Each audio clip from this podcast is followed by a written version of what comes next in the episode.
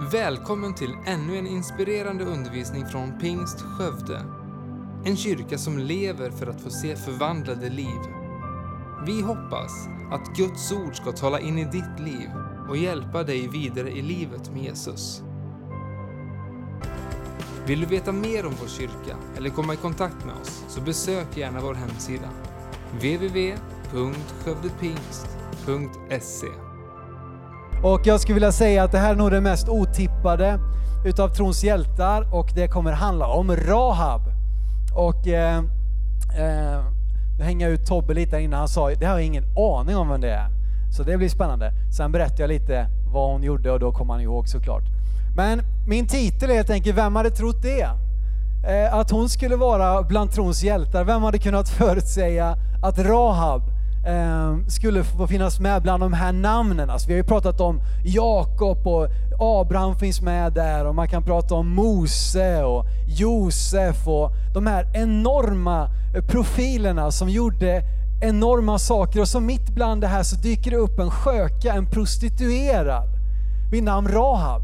Och hon finns med i den här uppräkningen ifrån Hebreerbrevet 11 och det är ju därifrån vi hämtar de här. Det kapitlet, man skulle kunna beskriva det kapitlet som trons hjältar och därifrån så lyfter vi fram en person varje söndag. Idag är det Rahab. Och bara för att sätta det in nu då, vissa utav er de kan liksom säga nu Rahabs story här nu på era fem fingrar och ge mig tre punkter direkt här och så vidare. Men för er nu som inte riktigt kommer ihåg Rahab och vad hon gjorde och vem hon var, så ska jag bara ge lite kontext innan vi ska läsa bibeltexten om henne. Det är så här, Josua, han har tagit över efter Mose och efter 40 års ökenvandring så är det äntligen dags nu att inta löfteslandet. Förra gången de kom dit så sände Mose in 12 spejare för att eh, bespeja landet och säga att de skulle kunna inta det. 10 kom tillbaks tvivlande, två kom tillbaks och trodde att de skulle kunna göra det. Och nu har Josua lärt sig en läxa så han skickar bara in två stycken spejare in i det förlovade landet för att bespeja och framförallt studera Jeriko som är den första staden som ska falla eh, och som är liksom vägen in i löfteslandet. Och här nu då så är vi alltså i Josua kapitel 2 när denna Rahab dyker upp. Och eh, vi ska låta texten tala här och vi ska läsa hela den texten, ganska långt men det är, det är härligt att få liksom kontexten utav bibelstoryn där. Så här står det Josua kapitel 2, ska vi läsa de 21 första verserna där. Häng gärna med i din egen bibel, annars så kan du följa med på skärmen här. Josua, Nuns son, sände i hemlighet ut två spejare från Sittim och sa, gå och undersök landet och särskilt Jeriko. De gav sig iväg och kom in i ett hus där en sköka vid namn Rahab bodde och där la de sig att vila. Men för kungen i Jeriko berättade man, i natt har några israelitiska män kommit hit för att bespeja landet. Då sände kungen i Jeriko bud till Rahab och sa, lämna ut de män som har kommit till dig och tagit in i detta hus. De har kommit hit för att bespeja hela landet. Men kvinnan tog de båda männen och gömde dem. Sedan sa hon, ja männen kom till mig, men jag visste inte varifrån de kom. Och när porten skulle stängas sedan det hade blivit mörkt gick männen ut och jag vet inte vart de tog vägen. Hennes yrke var nog ganska vanligt att män sprang ut när mörkret hade kommit och att man inte ställde några frågor vart de hade varit eller vart de skulle komma. Eh, I alla fall. Eh, och jag vet inte vart hon tog vägen. Skynda efter dem så får ni nog tag i dem. Hon hade fört dem upp på taket och gömt dem under linskälkar som han hade utbredda på taket. Männen skyndade efter dem på vägen till Jordan mot vadställena. Och så snart förföljaren hade gett sig av stängdes stadsporten. Men innan spejan hade lagt sig gick hon upp till dem på taket och sa, jag vet att Herren har gett er detta land och att en skräck för er har fallit över oss, ja att alla landets invånare bävar för er. Vi har hört hur Herren lät vattnet i Röda havet torka ut framför er när ni drog ut ur Egypten och vad ni gjorde med Sichon och Og, Amorenas båda kungar på andra sidan Jordan, hur ni gav dem till spillo. När vi hörde detta blev våra hjärtan förskräckta och nu har ingen mod att stå er emot. Till Herren, er Gud, är Gud uppe i himlen och nere på jorden. Lova mig därför med ed vid Herren att eftersom jag har visat barmhärtighet mot er ska också ni visa barmhärtighet mot min fars hus. Ge mig ett säkert tecken på det. Och låt min far och min mor, mina bröder, mina systrar leva liksom alla som tillhör dem och rädda oss från döden. Männen sa till henne, med vårt eget liv svarar vi för ert, bara ni inte förråder vårt ärende. När Herren ger oss landet ska vi visa nåd och trofasthet mot dig. Då släppte hon ner dem genom fönstret med ett rep. Hennes hus var en del av stadsmuren så att hon bodde i själva muren. Hon sa till dem, gå upp i bergen så att era förföljare inte träffar på er. Håll er gömda där i tre dagar till dess era förföljare har kommit tillbaka. Sedan kan ni fortsätta er färd. Men han sa till henne, vi är fria från er du har tagit av oss om du när vi kommer in i landet inte binder detta röda snöre i fönstret som du släppte oss ner, ner oss igenom. Och likaså om du inte har din far och din mor och dina bröder, alla som tillhör din fars hus samlade hemma hos dig. Men om någon går ut genom dörren och ditt hus ska hans blod komma över hans eget huvud och vi är utan skuld. Om någon däremot bär hand på en av dem som är inne i ditt hus ska dennes blod komma över vårt huvud. Men om du förråder vårt ärende är vi fria från ed som du har tagit av oss. Hon svarade, låt det bli som ni har sagt. Så sände hon iväg dem och de gav sig av. Och hon band det röda snöret i fönstret. Hängde ni med? Spännande story. Här är ju alltså hela liksom deras plan på väg att avslöjas. Men Rahab, skökan, hon väljer att beskydda de här spejarna och tvärtom lura sina egna och lägga grunden och ge dem värdefull information så att de skulle kunna inta landet. Och därför då så dyker hon upp också i Hebreerbrevet 11, vi ska läsa det. Hebreerbrevet 11, vers 31, där hon då dyker upp bland trons hjältar i Hebreerbrevet 11. Det står så här, genom tron undgick skökan Rahab att gå under tillsammans med dem som inte trodde, eftersom hon hade tagit emot spejarna som vänner. I Åkesson, som är en väldigt eh, ordagrann översättning, står det så här, att genom tro fördärvades icke skökan Rahab med det ohörsamma, då hon mottagit beskådarna med frid. Det står alltså att genom tro så fördärvas hon icke med de ohörsamma. Kommer ni ihåg vad tro kommer av? Tro kommer av höra och predikan, ja. Att man hör predikan. Och de som alltså inte trodde likt Rahab tillhörde de ohörsamma, de som inte ville höra. Tycker det är intressant bara som en liten parentes. Men nu då ifrån Rahabs liv här så tror jag att vi kan lära oss någonting om hennes tro. Att den är en förebild för oss som kan hjälpa oss i vår egen vandring med Jesus. Och jag har sammanfattat detta i några punkter och det finns ju så mycket mer man kan säga. Men jag skulle vilja säga några saker just om Rahabs tro som jag tror som sagt kan tala in i vårt liv. För det första, tron satsar allt. Tron satsar allt. Rahab hörde talas om dessa israeliter som var på väg.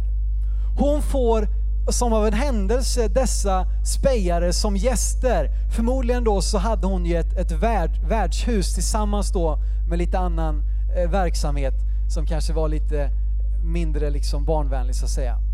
Eh, men hur som helst så kommer de här spejarna till henne och nu så ser hon sin chans. Att hon kan sätta allt på ett kort, att istället då för att gå under, för hon, hon har fått tro, vi kommer att gå under. Men Herren, liksom, han är Gud. Så kanske att jag, genom att sätta allt på ett kort och försöka beskydda dessa bespejare, kan så att säga rädda mitt eget liv och min familjs liv. Hon satsar allt. Rahab fattar beslut för framtiden utan att veta hur det kommer gå.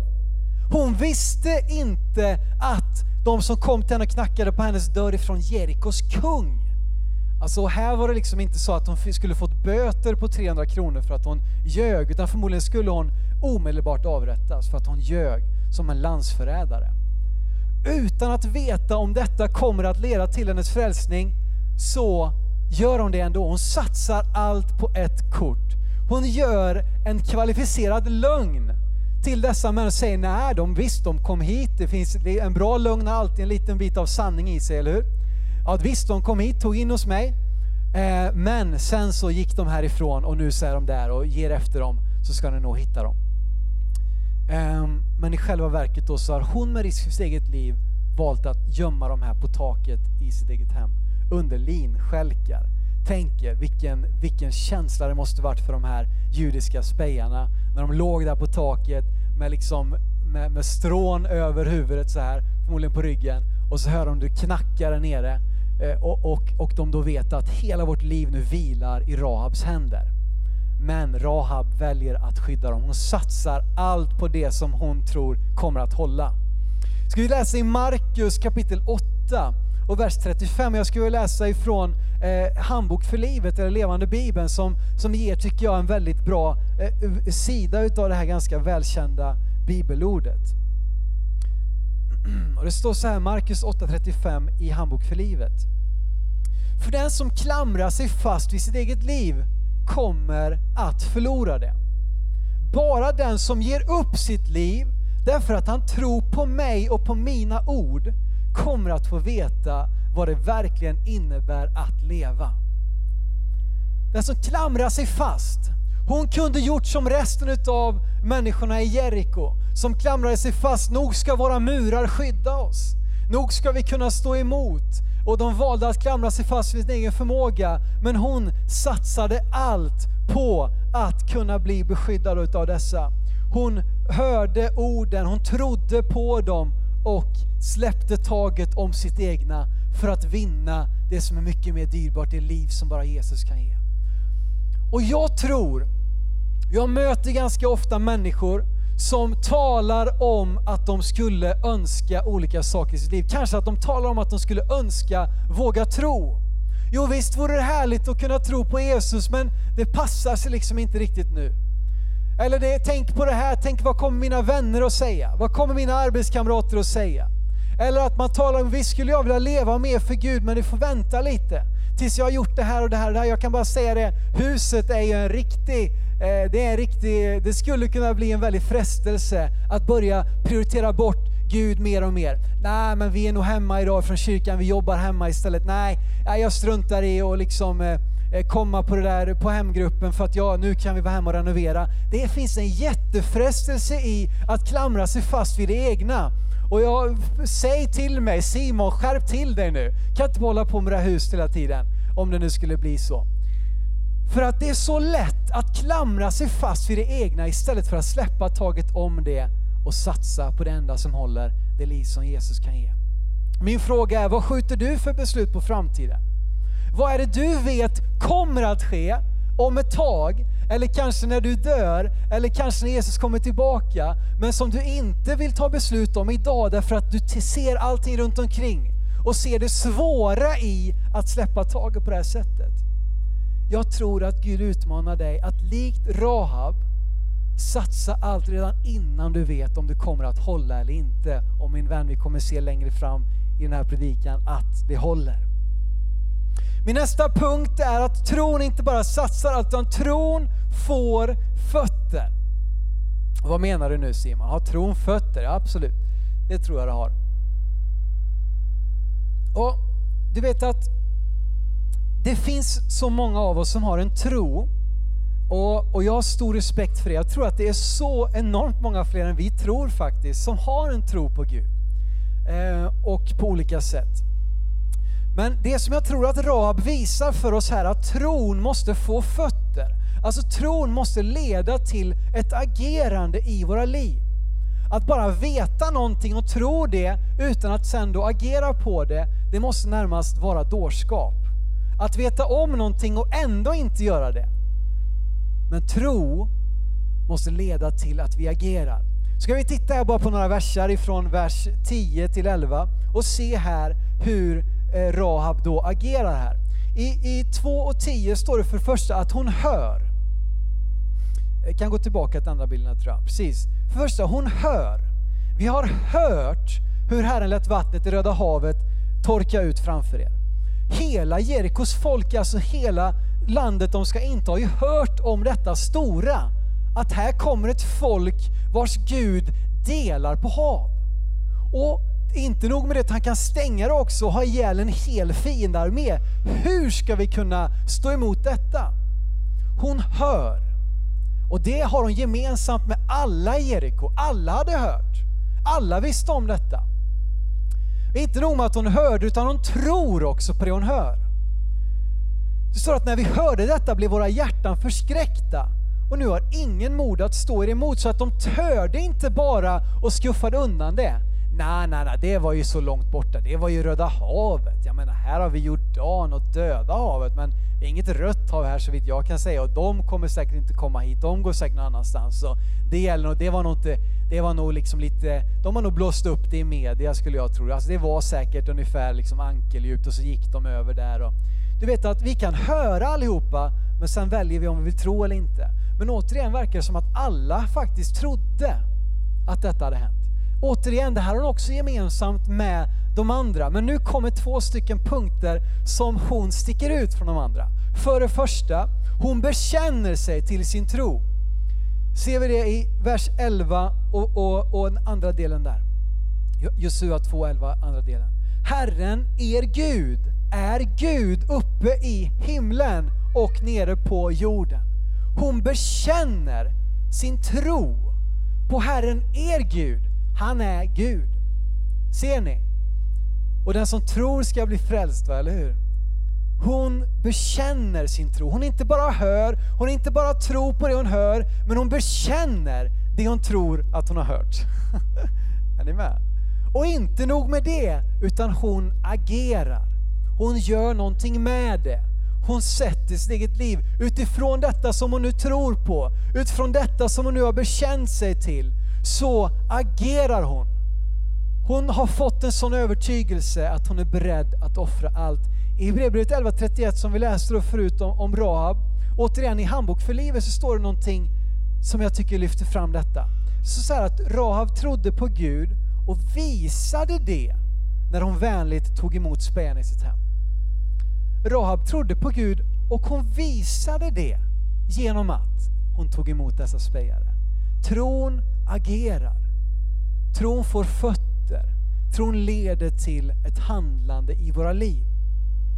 Och det här handlar inte nu om, nu, nu så finns det genast vissa som, som känner att nu liksom ringer lagens klockor här och så vidare. Och så känner man genast en press. Jaha, nu måste jag och nu måste jag. Nej, nej, nej. Inte så. Men vi får, utifrån den tron vi har på Gud, får vi agera. Inte med särskilt stor förhoppning på oss själva. Rahab trodde inte att hon själv skulle kunna hålla tillbaka vare sig israeliterna eller Jerikos kung om de fick reda på vad som hade hänt. Men hon satte sin tro på Gud, som är Gud uppe i himlen och på jorden, och hon agerade med tro på att han skulle vara mäktig att beskydda henne. Jakobs brev kapitel 2 så hittar vi detta igen och vi ser detta väldigt tydligt. I vers 22 och sen så vers 25 och 26 kommer också Rahab tillbaka. Jag tycker det är härligt att på flera ställen i Nya Testamentet så lyfts Rahab fram som ett exempel på tro. Jakobs brev 2, 22 och sen ett par verser längre fram. Du ser att hans tro samverkade med hans gärningar och att det var genom gärningar som tron blev fullbordad. Alltså om vi verkligen tror någonting och inte gör någonting utifrån den tron så kan vi fråga oss själva om vi verkligen tror. Hängde du med? Men om jag tror att det kommer regna ute eh, och det kommer liksom drypa ner men jag ändå inte tar med mig paraplyt.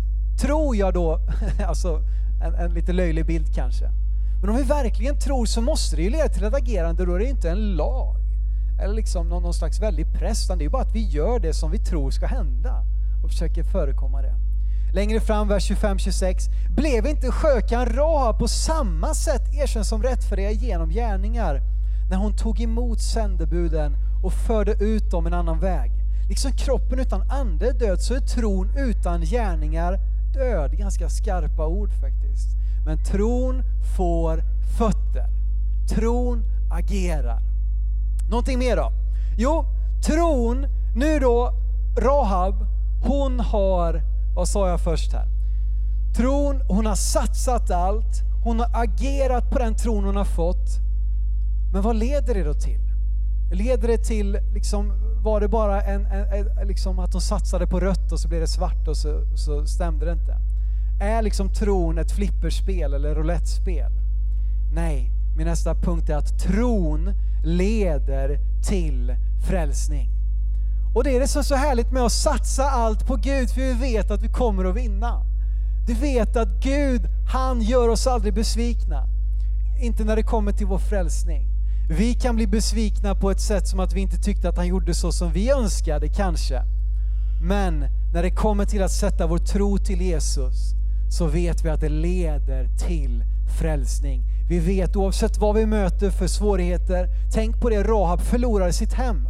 Allting grusades för henne, men hon vann någonting mycket bättre. Det ledde fram till frälsning. Vi kan se Josua kapitel 6 här, vers 17.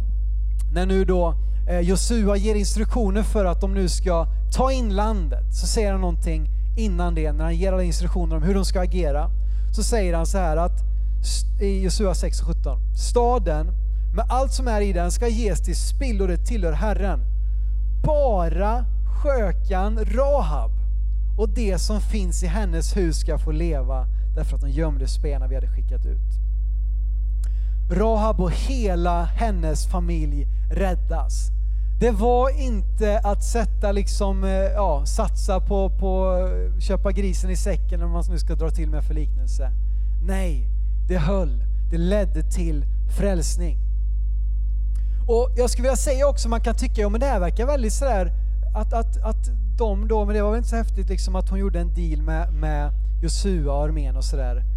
Men det vi får tänka på, vart var hennes hus någonstans? Kommer ni ihåg det? Hennes hus var i muren, vad hände med muren? Den föll. Men hennes hus, delen i muren där hennes hus fanns, den stod kvar. Annars skulle hon ha dött direkt. Det spelar ingen roll om alla var där inne och de hade det röda snöet och allting. Så att det finns ett dubbelt mirakel i detta. Att visst, Josua och dem, de undvek att så att säga handgripligen då döda dem. Men Gud beskyddade dem genom att låta den delen av muren stå kvar. Det tycker jag är stort. Tron leder till frälsning. Men det finns givna ramar. Det är också någonting vi behöver komma ihåg ifrån Rahabs liv. Det fanns villkor. Alltså, det var inte bara så att de kunde göra precis vad de ville. Och ja, men visst, eh, vi, vi kommer, vara, vi kommer liksom ge oss ut där på marknaden när ni eh, attackerar för vi vill inte vara i muren om den faller. Alltså, nej, de var tvungna att vara kvar i huset.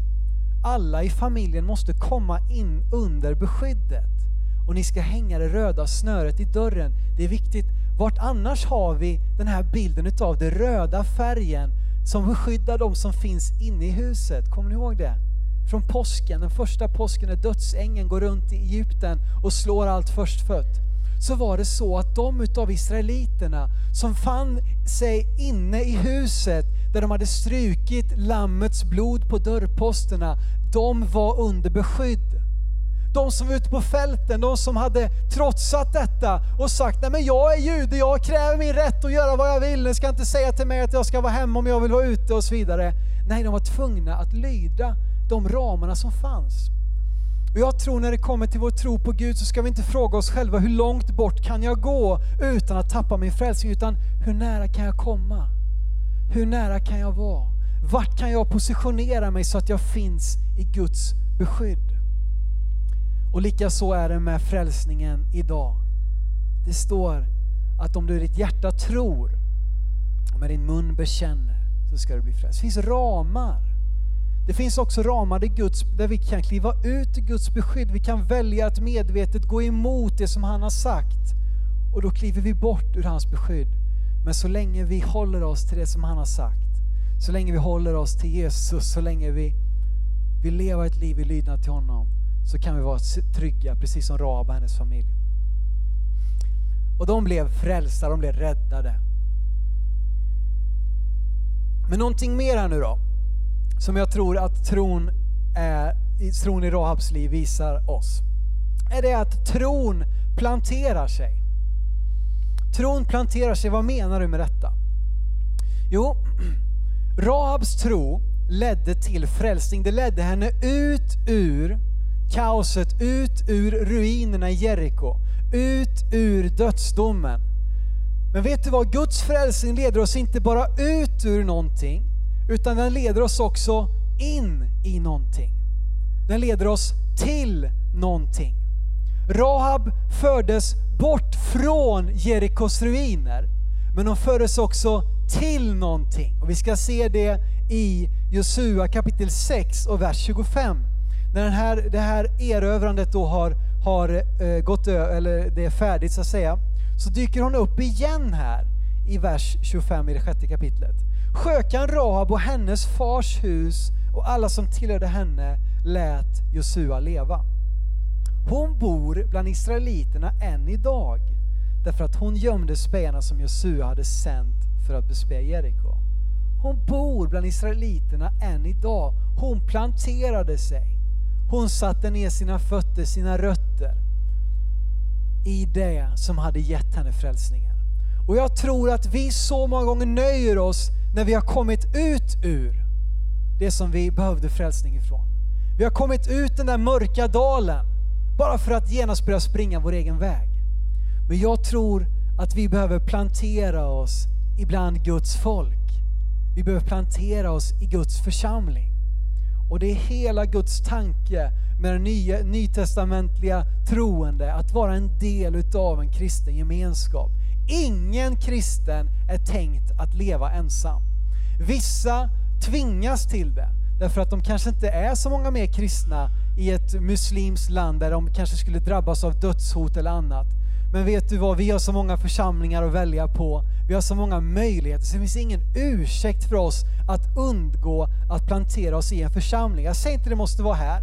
Jag skulle bli superglad om du ville sätta ner dina fötter här. Men om, om inte detta då, så hitta en annan församling där det, där det funkar, där det passar. För att tron behöver plantera sig. Vi behöver sätta ner fötterna och stå kvar då på en plats så att vi inte på nytt behöver bli liksom frälsta, räddade. Tron planterar sig. Hon räddas inte bara från någonting utan till någonting. Och där kan vi få leva i gemenskap med Guds familj, med Guds församling, med Kristi kropp, där Jesus är huvudet. Och vi kan få bevara, vara kvar på den plats där Guds beskydd verkar. Och det är verkligen något jag vill uppmuntra dig till. Plantera dig i en församling. Jag vet, jag känner ju många utav er här och jag vet att ni redan är med här och det är jag superglad för. Men kanske du finns här som ännu inte har satt ner fötterna. Gör det. Du kommer att kunna leda till att ditt liv tillsammans med Jesus kan växa ytterligare. Och du kan få bli till välsignelse också för någon annan. Till sist här nu då. Tron har lett till frälsning, alltså Rahab har ju blivit frälst ut ur dödsdomen. Men ska hon då göra det bara för att igen leva som sköka?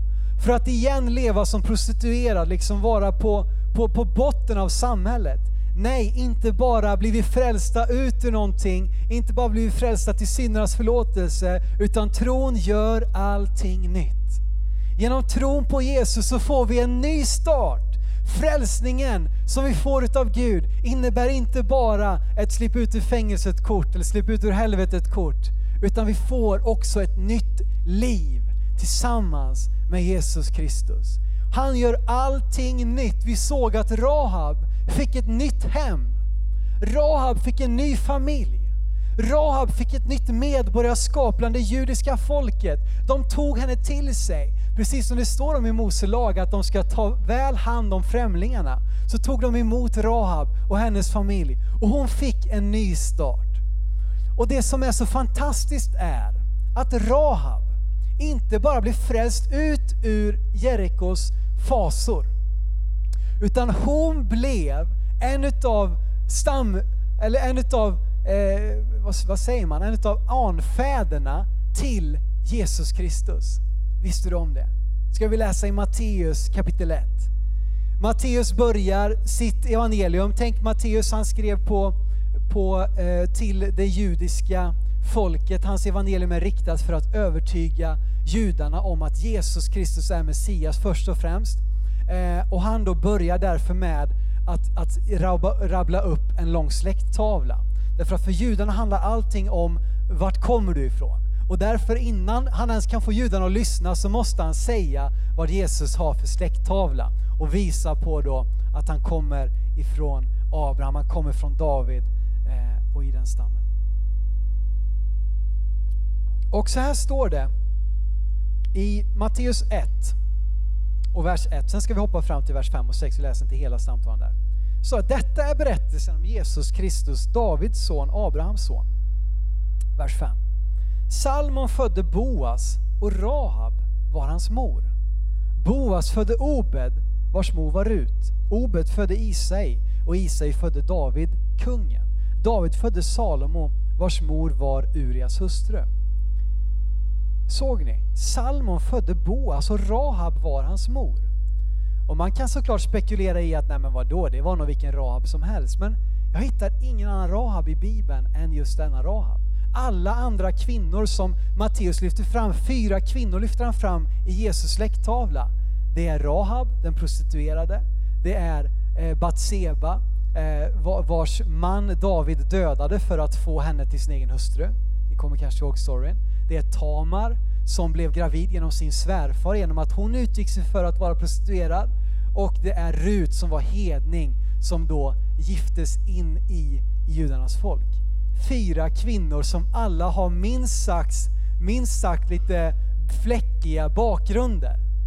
Men dessa lyfter Matteus fram, jag tycker det är fantastiskt. Och Rahab är med bland dessa.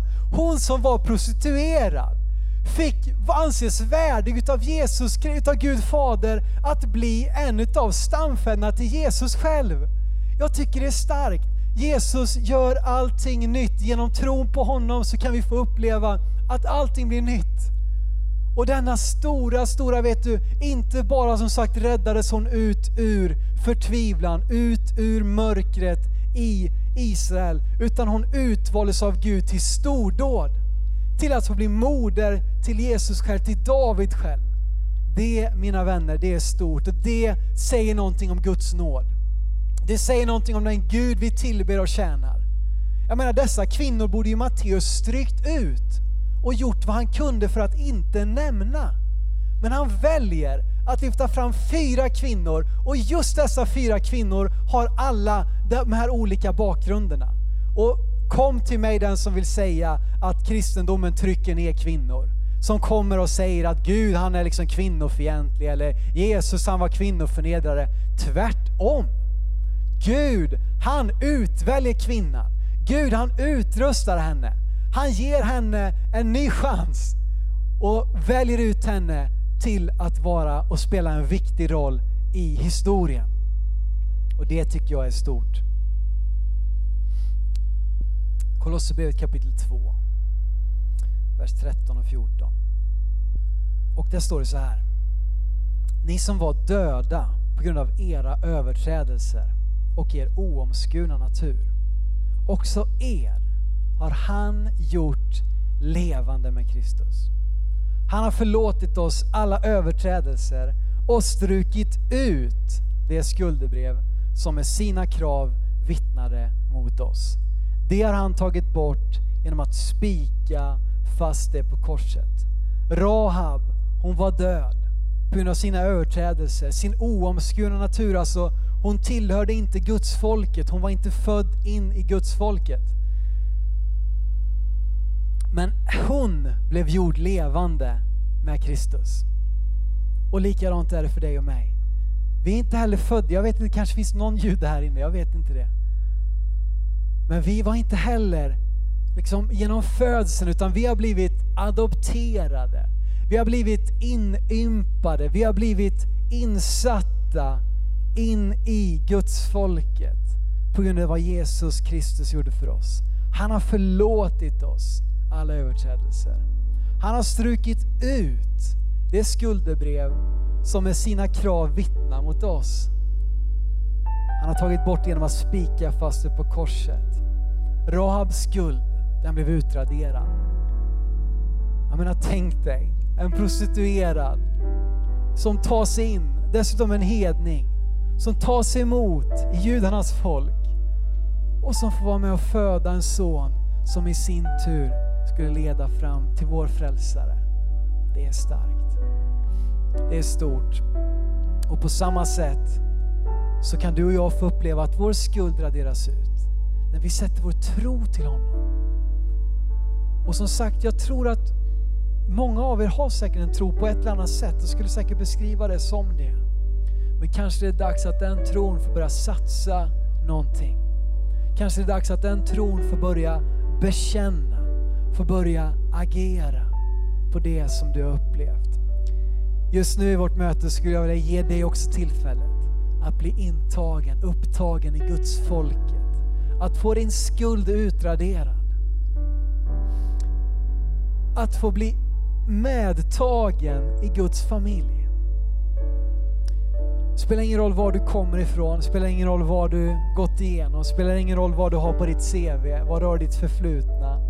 Utan till dig så är Gud också beredd att stryka ut. Han har redan gjort det. Men du kan ta emot det genom tron på Jesus Kristus. Så kanske att du finns här som just den här stunden skulle vilja bekänna dig själv till Jesus Kristus, skulle bekänna din tro till honom, på honom. Eller kanske att du är en sådan att tron har blivit väldigt mycket hörande. Att tron har blivit väldigt passiv i ditt liv. Och kanske att du på nytt behöver överlåta dig själv till Jesus Kristus, till tron på honom. Att du på nytt behöver bekänna dig till honom. Jag säger inte att du har tappat din frälsning, jag säger inte det. Men jag tror att vi alla är beroende av, är i behov av att förnya vår överlåtelse till Kristus, förnya vår bekännelse till honom. Och om det finns någonting som får oss att tvivla, så låt oss då göra någonting som gör att vi inte behöver tvivla. Låt oss bekänna oss till Jesus Kristus. Tack för att du lyssnat. Titta gärna in på vår hemsida www.skövdepingst.se för att få veta mer om oss. Och glöm inte att du alltid är välkommen till vår kyrka